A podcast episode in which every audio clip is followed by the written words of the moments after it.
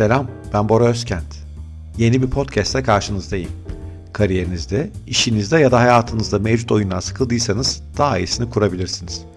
Ve belki ben de size birazcık olsa ilham verebilirim. Denemeye değmez mi? Haydi başlayalım.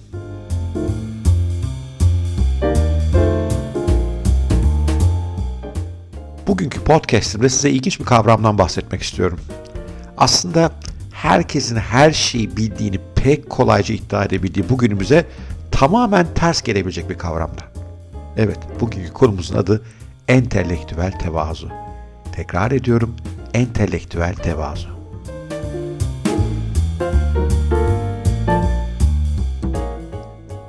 Entelektüel tevazunun sanırım en temel anlamı şu. Kişi kendi bilgisinin sınırlarının farkında. Görüşlerinin ve inançlarının yanlış olabileceğine dair alçak gönüllü bir açıklığa, bir farkındalığa sahip. Evet, söylemesi kolay ama bulunması kıt bir erdem aslında bu. Ne yazık ki etrafımızda ünlü Yunanlı Sokrates gibi bildiğim tek bir şey varsa o da hiçbir şey bilmediğimdir diyen insanların sayısı pek az. Tam tersine herkes her şeyi en iyi kendisinin bildiğini ifade ediyor. Öyle değil mi? Üstelik bu insanların elinde şimdi bir de sosyal medya var. Bu sosyal medya sayesinde de bu körü körüne inandıkları görüşlerini ve inançlarının tek doğru görüş ve inanç olduğunu bütün güçleriyle dünyaya yaymaya çalışıyorlar. Çekilmez bir dünya böyle bir dünya. Entelektüel tevazunun pek az olduğu bir dünya.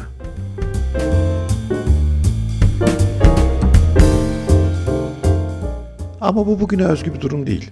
İnsanoğlu bu entelektüel tevazu meselesine ta eski çağlardan beri pek sıcak bakmamış. Mesela dünyanın düz olduğuna inanan insanları düşünün. Gerçi bugün de hala öyle insanlar var o ayrı bir tartışma konusu. Ama dünyanın düz olduğuna herkesin veya büyük bir kitlenin inandığı dönemlerde birisinin çıkıp dünya yuvarlaktır demesi pek de hoş karşılanan bir şey değildi herhalde. Nitekim Christoph Kolomb dünyanın yuvarlak olduğunu ve hep batıya gidilirse sonunda doğuya yani Çin gibi e, ticaret zengin ülkelere kolayca ulaşabileceğini söylediğinde herkes ona karşı çıkmış. E, kralları, kraliçeleri ikna etmesi, seferine sponsor bulması yıllar sürmüş. Onları ikna ettikten sonra bu sefer kendisine tayfa bulamamış. Çünkü tayfa olabilecek özellikle Endülüs bölgesinde yaşayan, İspanya'nın Endülüs bölgesinde yaşayan insanlar dünyanın düz olduğuna çok inanıyorlarmış ve şöyle düşünüyorlar. Ya gemiyle gidip gidip ya dünyanın kenarından e, sonsuz boşluğa düşersek. Bu nedenle sonunda Christoph Kolomb çareyi idam mahkumlarının tayfasına katmakta bulmuş. O dönemin İspanyol hükümeti eğer Kolomb'un seferine giderseniz size af çıkarız diye bazı idam mahkumlarını ikna etmiş de Kolomb zar zor kendi tayfasını bulabilmiş. Entelektüel tevazunun tam tersi bir kavram var. O da entelektüel kibir. Yani benim bildiğim doğru dediğim dedik. Bu konuda da muazzam örnekler var. Mesela ilk iPhone ortaya çıktığında o dönemde Microsoft'un CEO'su olan Steve Ballmer ürünü eline alıyor ve diyor ki böyle bir cihaza bu parayı kimse vermez, üzerinde klavye yok, çılgınlık bu ürünü hayatta tutmaz diyor. Keşke öyle diyeceğine ya bu ürünü insanlar niye sevdiler diye merak etseydi. Acaba benim kaçırdığım bir şey mi var deseydi. Belki o sayede Microsoft bugün var olmadığı mobil cep telefonu pazarında var olabilir. Oradan kendi biraz pay alabilirdi. İşte kibir böyle bir şey.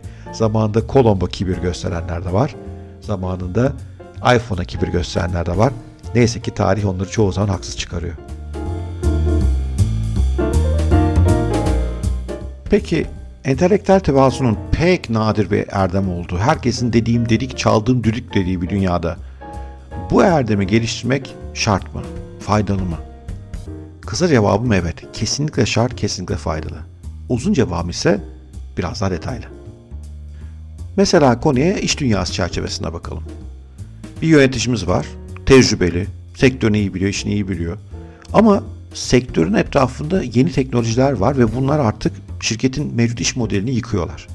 Bu durumda yöneticinin entelektüel tevazu göstermesi çok önemli değil mi?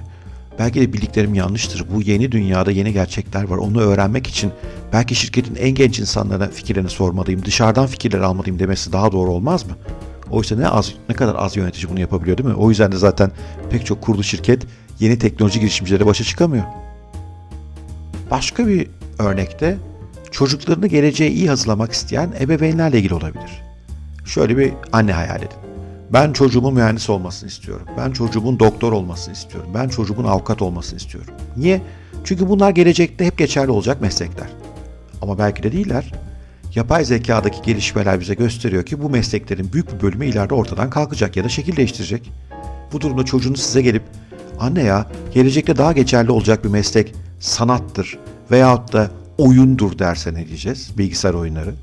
Belki de o haklıdır. Entelektüel tevazu bizi burada daha doğru bir karara götürmez mi sizce de?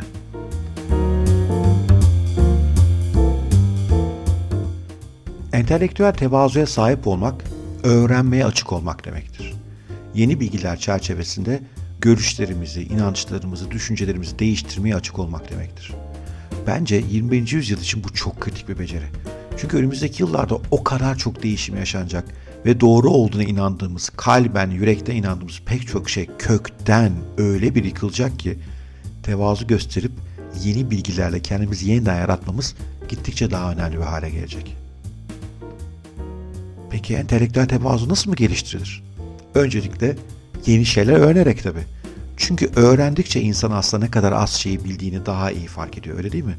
O yüzden yeni şeyler öğrenmek, zıt görüşte insanlarla tartışmak, bizim tamamen dışımızdaki bakış açılarına sahip yazarların kitaplarını okumak hep entelektüel tevazuyu geliştirecek konular. Ve belki de daha basit bir yöntem de var.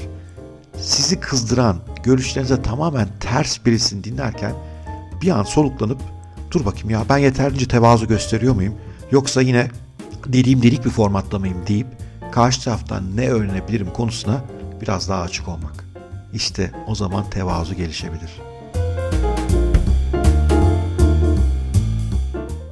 Evet, bir podcast'in daha sonuna geldik. Umarım hoşunuza gitmiştir. Lütfen eğer hoşunuza gitmişse arkadaşlarınızla paylaşın. Daha fazla insan yararlansın. Bir sonraki podcast'e kadar ki haftada iki podcast yayınlıyorum.